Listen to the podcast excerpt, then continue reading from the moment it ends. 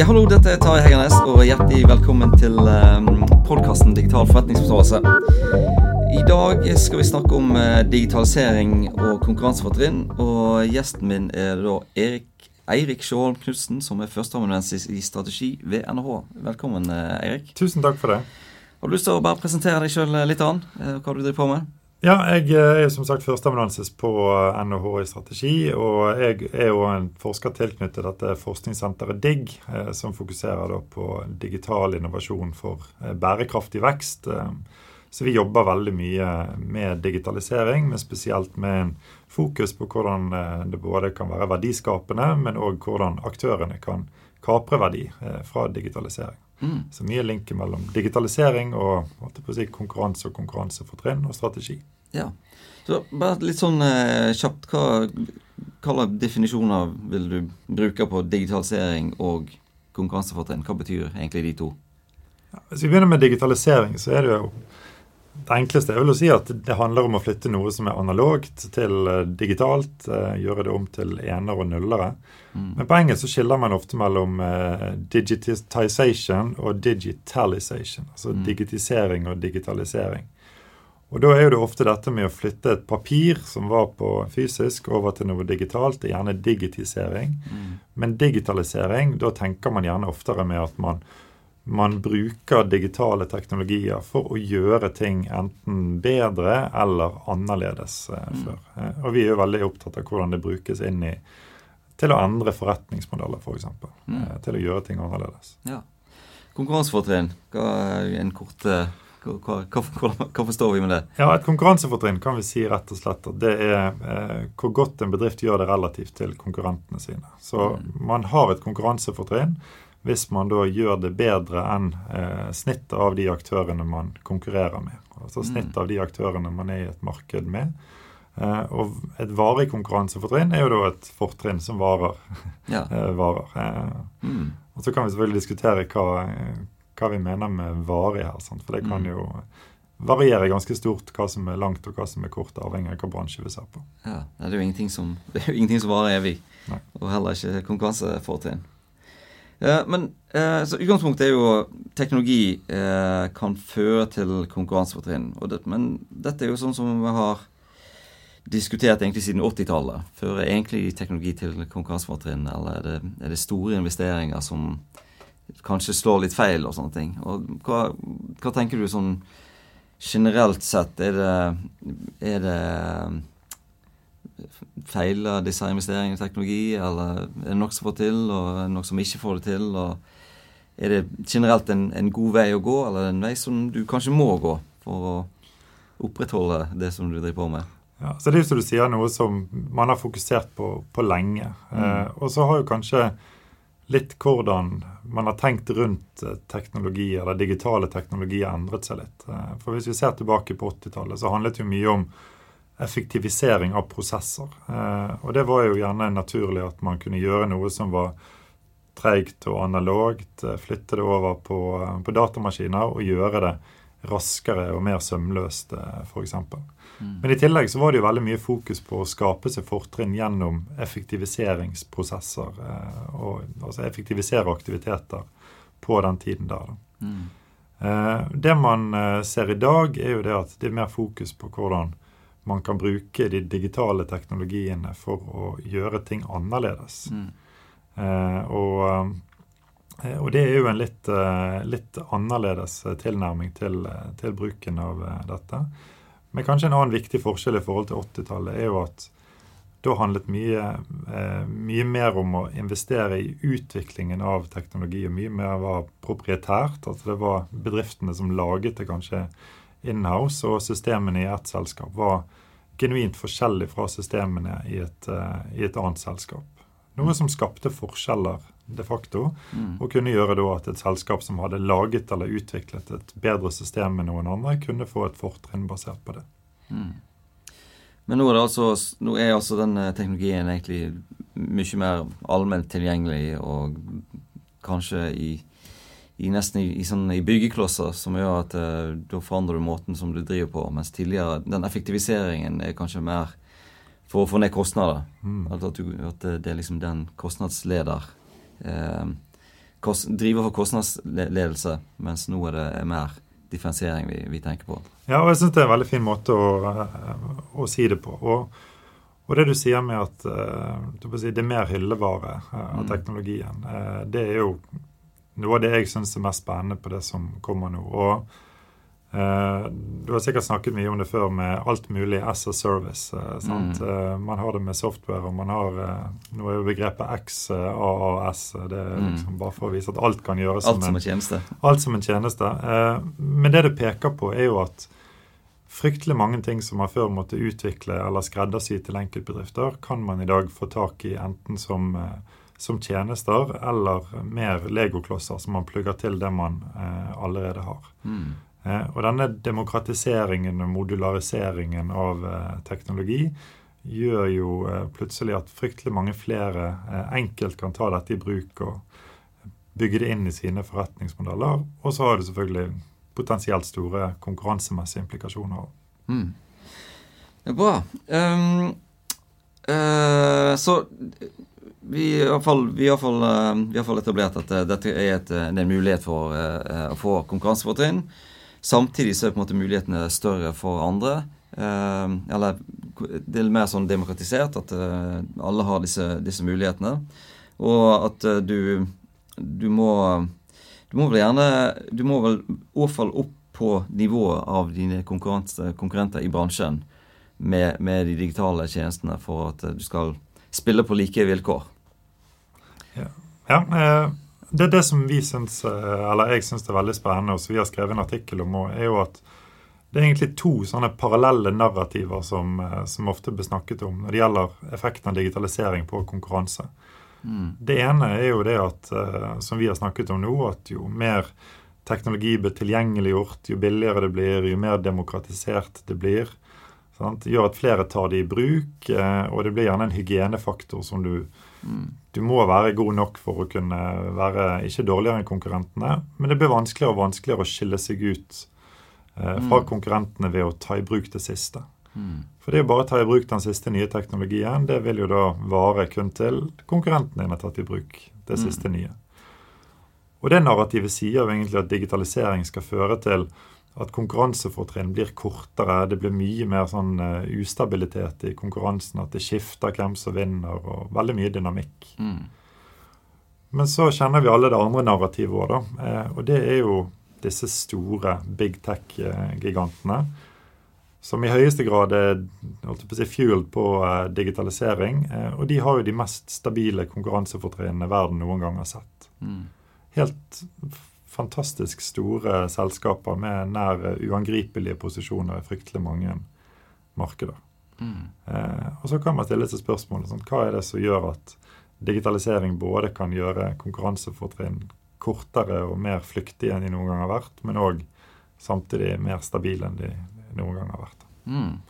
Ja, det er jo et interessant uh, spørsmål. Så uh, hva er det hvis du skal prøve å si hva, hva er kjennetegnet på, på, på, disse, det, på, på, disse, store virksomhetene? Hva slags type virksomheter er det som Hva slags miks av eh, ting er det i disse store virksomhetene? Vi snakker vel her om eh, Netflix og, og, og eh, kanskje Amazon og Google og, og, Facebook og de tingene der. Hva jeg kan også kjennetegne de og hvorfor de har disse ja. sterke posisjonene. Mm. Den kanskje enkleste måten å forklare det på, er å sammenligne det med de da, som er i den andre kategorien. De som mm. vi, man kan si har mindre sannsynlighet for å opparbeide seg disse posisjonene.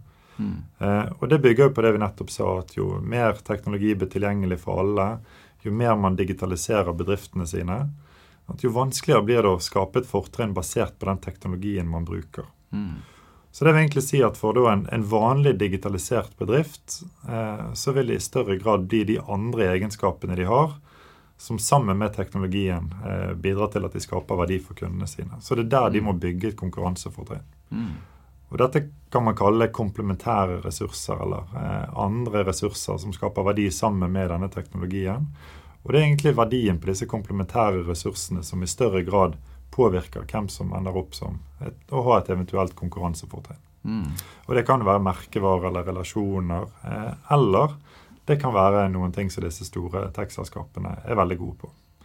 Eh, og, og, da er det spesielt, eh, spesielt dette med nettverkseffekter eh, og med holdt på å si, datadrevne fortrinn. Så mm. man kan egentlig si det at de har skalafortrinn både på etterspørsels- og, og tilbudssiden. Da, mm. eh, som flertallet av disse her eh, bedriftene som tar i bruk digital teknologi, eh, ikke har. det. Mm. Det er interessant. Så kan du bare for, kort forklare hva hva er et eksempel på, på nettverkseffekter, og hva betyr det å, å være datadrevet? Ja, så Nettverkseffekt er veldig enkelt uh, forklart at uh, verdien av uh, en eller annen, et produkt eller en tjeneste det avhenger av hvor mange brukere det er av det produktet eller tjeneste, eller av tjenesten.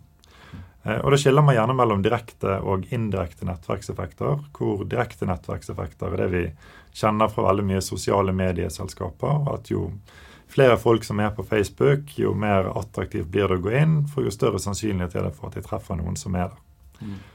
Og så har man disse indirekte nettverkseffektene, som vi egentlig kan tenke på som en, eh, eh som en god gammeldags PlayStation eh, når den kom. sant? Eh, det er det at man har egentlig en plattform med to eller flere sider.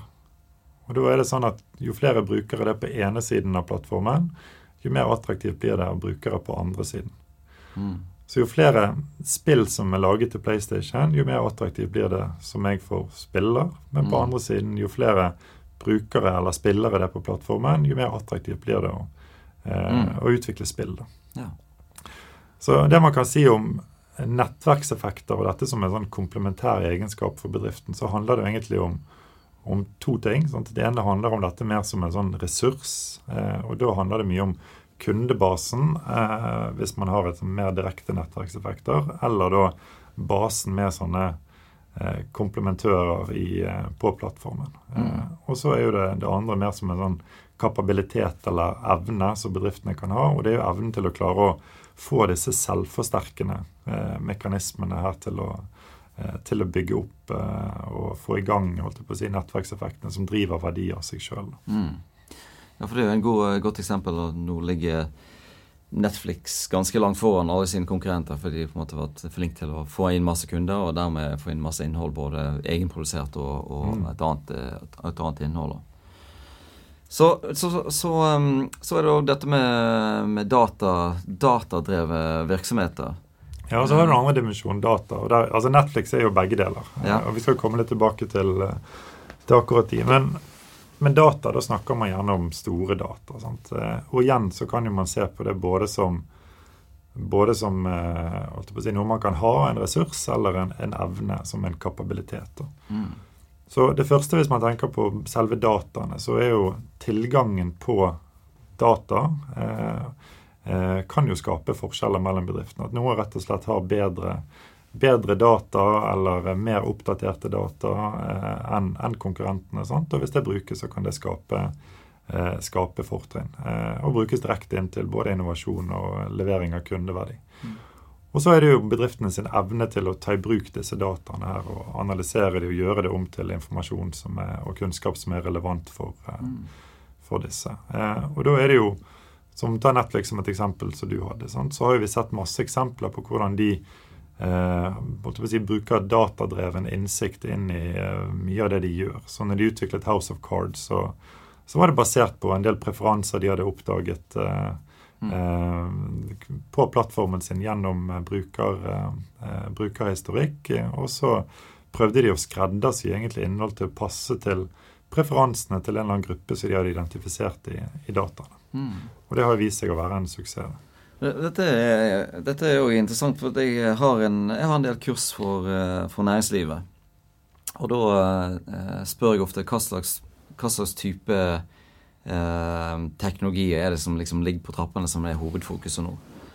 Og faktisk egentlig både oss med sånn eh, finans eh, si, eh, Handel, energi og, og borti rene ingeniørvirksomheter, så er det det her med dataanalyse som, er, som flest eh, har som avstemning. Så liksom det kommer opp eh, som, eh, som det første valget, nesten uavhengig av hva slags målgruppe jeg har, har de kursene for. Mm. Så det betyr jo vel at uh, disse bedriftene ser på å flytte seg til en, en, tilstand der de er mer datadrevet, rett og slett. Mm. At de på en måte de, de har de, Antageligvis så har de dataene. Og det, det, tror jeg mange bedrifter har gjort nå i mange år. De har horda på, på, data. Mm. Og så nå er det funnet ut ok, nå må vi faktisk mm. Nå må vi hente fram alle de dataene vi har på lager, og finne sånne verdi, verdi, på det. Mm. Så, så, det, er jo en, eh, det er jo en måte å bevege seg på til, til, en, til en, eh, tilstand med, med, litt mer konkurransefortrinn. Ja, og det er akkurat det som er, er helt riktig. Mm. At når man da bygger posisjoner på at man har andre data enn andre, eh, eller klarer å gjøre bruk av disse dataene på en annen måte, så blir det da forskjeller i mye større grad mellom bedriftene enn det vi snakket om i sted, om å bare ta i bruk eh, ulike digitale tjenester som en eh, Eller digital eh, teknologi som en tjeneste. Mm. Så da skapes det fortrinn, eh, og disse fortrinnene her vil jo da relativt til det vi snakket om i sted, oftere være mer stabile og, og vedvarende. Mm. Så har man da skaffet seg mye proprietær, interessant data som man både har Man klarer å ta i bruk og analysere på en god måte og har disse evnene i bedriftene. Og det gir et fortrinn. Så er det vanskeligere for en bedrift å kopiere dette. her, For det er ikke bare å gå ut og på å si, kjøpe seg den tjenesten. Du må gjerne bygge opp eh, eh, noen tilsvarende data eller noen andre data som gjør eh, mye den samme funksjonen. Og, mm. og, bygge opp disse evnene på hvordan du bruker det, og knytter mm. dette inn i forretningsmodellen til bedriften. Men så tenker jeg på dette med, med disse nettverkseffektene. Så, så, disse virksomhetene her nå som skal analysere mer data, de beveger seg liksom i én retning. Men hvordan er, det, hvordan er det å bevege seg i en mer sånn nettverkseffektretning? Er det, sånn, er det noe som bedrifter bør se på, eller er det en, en litt vanskeligere vei å gå for, eh, for å oppnå fortrinn? Altså det, er jo en, det er jo en vanskeligere vei å gå. Så mm. hvis du sier der vi begynte med en bedrift som bruker digital teknologi som er mer hyllevare, og ønsker å holdt på å si, ende opp i en situasjon hvor de har et litt mer stabilt fortrinn, eller mulighet for å skaffe seg et stabilt fortrinn, så er jo det to av de veiene man kan gå, er å ligge til mer data og mer nettverkseffekter. Mm. Og Hvis du sammenligner de to retningene, så er jo det å gjøre en bedrift mer dataintensiv det er lettere enn å bygge det om til at nettverkseffektene blir fryktelig viktig. Mm. For data har jo bedriftene allerede. Man kan ta i bruk eh, mer av de dataene man allerede har. Sant? Eller man kan komplementere det med data som er offentlig tilgjengelig. Man kan bruke denne innsikten eh, inn på ulike måter. Eh, og det er noe som kan gjøres gradvis, og som da kan bygge mer og mer verdi oppover. Eh, mm. Men det å bygge nettverkseffekter, det vil ofte gjøre da at man er nødt til å endre ganske fundamentalt på logikken til en bedrift. At det må gjøres om mer fra en sånn pipeline-business til en, en mer plattform-business. Mm. Eh, og så er det òg en, en, rekke utfordringer knyttet til å bygge det vi kaller kritisk masse. Eh, altså få tilstrekkelig antall eh, si, aktører inn, på, inn, i et nettverk, eller brukere i et nettverk, eller aktører på en plattform, mm. til at disse selvforsterkende effektene som er så attraktive med nettverkseffekter, begynner å jobbe. Mm. Ja, så det Men det som du sier nå, det er at eh, belønningene kan være store med å gå mot denne nettverkseffektveien, men det er, det, det er vanskeligere å få til. Og det er gjerne ikke gitt at det passer for, eh, for alle virksomheter. Og så er det vanskeligere eh, isolert sett, men det blir jo enda vanskeligere hvis det allerede er aktører mm. som har bygget opp disse sterke nettverkseffektene fra mm. før. For da konkurrerer du med noen som eh, holdt på å si, by default har eh, veldig mye mer verdi på sin plattform, all den tid de har veldig mange flere eh, aktører eller kunder.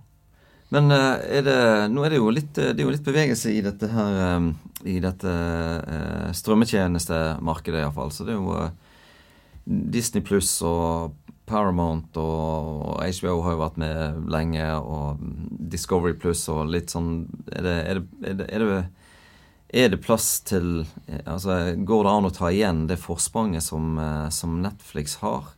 For så, som du sier, det er basert både på nettverkseffekter men òg at eh, når du har nettverk, eh, et nettverk, så genererer du mer, enda mer data. Mm. Sånn at nettverket òg forsterker den eh, hvis, du, hvis, du, hvis, du, er god på dataanalyse og bruker det, så forsterker jo det eh, resultatene du kan få ut av, ut av, det.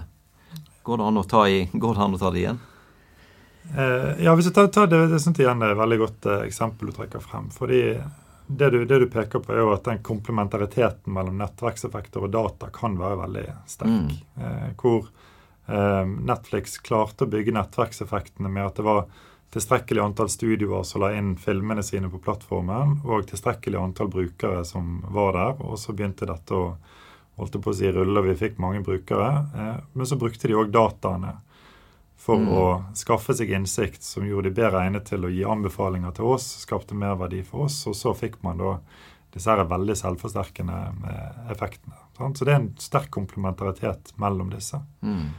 Eh, og, og, det som mye av konkurransen i strømmemarkedet handler om, er jo de som allerede har veldig mye av det som er på ene siden av strømmeplattformen, som er jo innhold. Mm. Eh, for de er det jo attraktivt å gå inn og lage sin egen plattform istedenfor å betale ut eller la Netflix kapitalisere mest mulig på, mm. på dette. Eh, og det er jo det man ser i den litt sånn fragmenteringen her av markedet, at eh, alle trekker ut katalogen sin fra Netflix eh, mm. eller andre og lager sin egen strømmetjeneste på, på toppen. Mm. Og Det er jo et eksempel på litt sånn eh, at disse andre egenskapene er det som gjerne avgjør konkurransen. For nå er det de konkurrerer litt på data, eller mye på data og nettverk, men de konkurrerer òg på hvilke titler de har eh, inne. Mm. Men så er det jo det som er virkelig interessant, det er jo at eh, de aktørene som både har disse store nettverkseffektene og, eh, eh og datafortrinnet, det kan gjøre det attraktivt for de å begynne å bevege seg inn i andre markeder enn der de egentlig var. Mm. Eh, og det er jo egentlig det Netflix har gjort når de har begynt å produsere da, sine egne serier. Mm. For da ser de at verdien av all den innsikten de har om eh, seervaner og hva folk liker, og, eh, og det, det, kan gjøre de veldig godt i stand til å produsere nytt, eh, nytt innhold. Mm. Så de har beveget seg mye mer i produksjon av, av nytt innhold, og dermed da prøver å, å vri denne differensieringen i retning til å være mest relevant på alt det som kommer rundt neste sving, egentlig. da.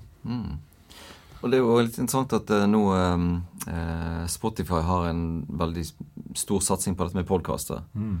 I tillegg til musikk, som var egentlig den, uh, den opprinnelige. Så fra musikk til podkaster, og kanskje podkaster til, til, bøker, sant, så har du et, et, et fortrinn der. Det, det, er en ting som jeg tenker på nå um, i forhold til dette med, med nettverkseffektene og de her dataanalysene. Det er jo at i finansmarkedet så har vi jo sett en, en, en deregulering. For disse, når vi snakker om iallfall Netflix og, og de mm. der, eh, de, eh, Spotify og sånt, så snakker vi jo om um, kundedata. Mm. Og egentlig alle de store iallfall um, sosiale medieplattformene, det er jo det er kundedataene. Men i, um, i uh, finansnæringen så er det jo egentlig det samme. Altså, du, du, har hatt samme banken i 20 år, og de har alle transaksjonene dine. Mm. Men så med dette eh, eh, oppdaterte betalingsregulativet til eh, EU, PSD2, mm. Mm.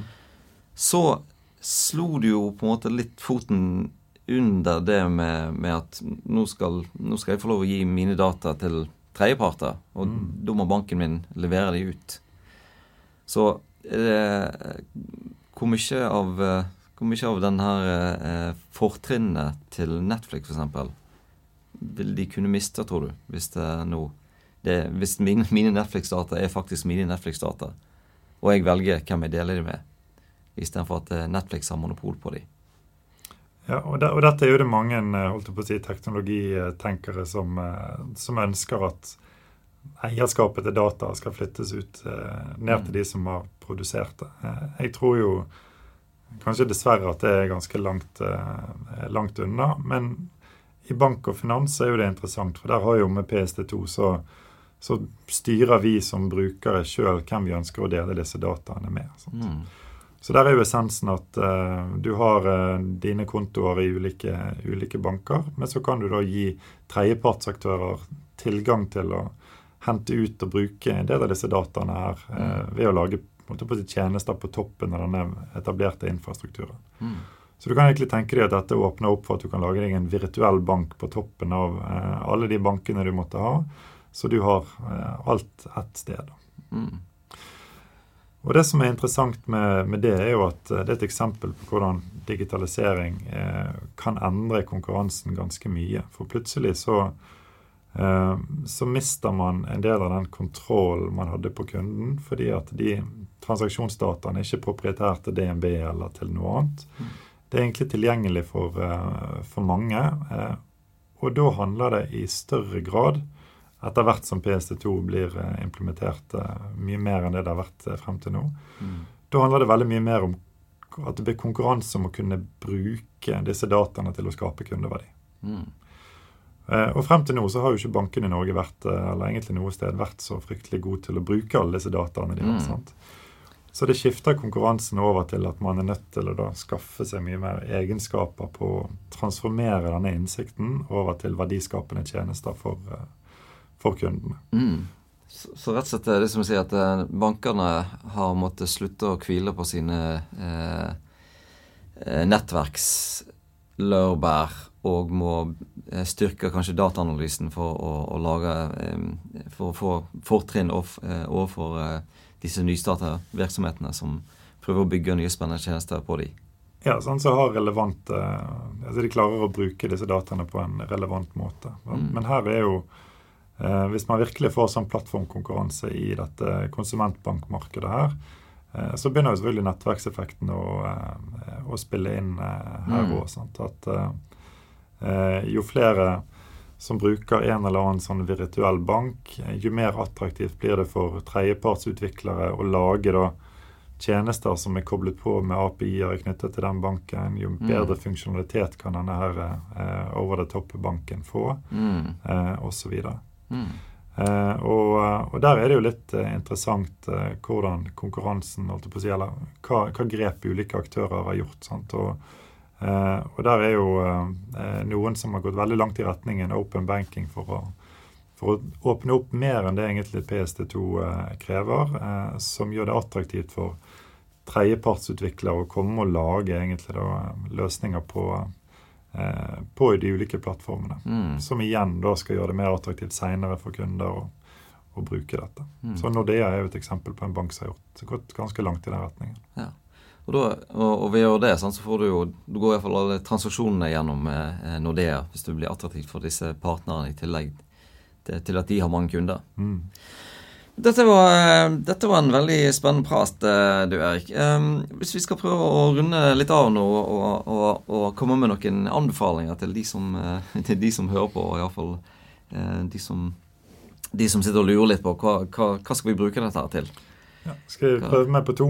Ja, gjør det. Jeg får spisse det. Eh, det ene er jo å ha i bakhodet at eh, selv om det å ta i bruk eh, ny og enda mer forståelig og potensielt kraftfull digital teknologi kan skape umiddelbare effekter for bedriften din og gjøre det veldig mye bedre, så må man ikke glemme det at jo mer man digitaliserer, og jo mer man bruker hyllevareteknologi for den måten, jo likere blir alle bedriftene hverandre. Mm. Eh, og da blir jo, jo viktigere for å skille seg ut, blir de andre tingene man kobler på. Mm. Om det er kunderelasjoner, om det er merkevaren, om det er lojalitet eller hva det måtte være. Eh, mm.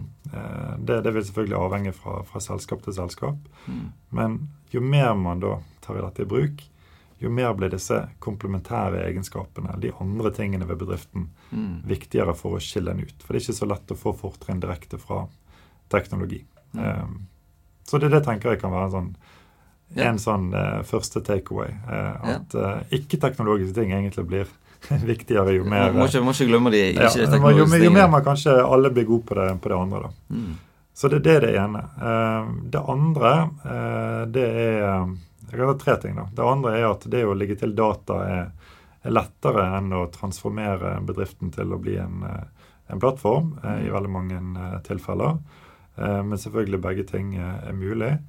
Men det siste er egentlig en litt sånn generell trend med at jo mer et marked prøver å gå i retning av at data og nettverkseffekter blir viktigere for de liksom dominerende forretningsmodellene i et marked, jo mer attraktivt og enklere blir det egentlig for de etablerte, store big techsene å gå inn i det markedet. Mm. Så du kan si det sånn at hvis vi er en liten bedrift som klarer å si, Eller de litt mindre aktørene bygger seg opp med at vi bruker data og har klart å etablere et plattformmarked, så er kanskje ikke avstanden til at Google går inn og, og angriper dette markedet spesielt stor lenger. Mm. Og det er jo det ufattelig mange eksempler på med Google, Amazon og, og de andre som enten går inn direkte i, i markeder, eller at de går inn og trekker ut veldig mye profitt ved å selge egentlig veldig sånn datadrevne tjenester som, mm. som blir viktig for hvem som vinner. Mm, veldig bra.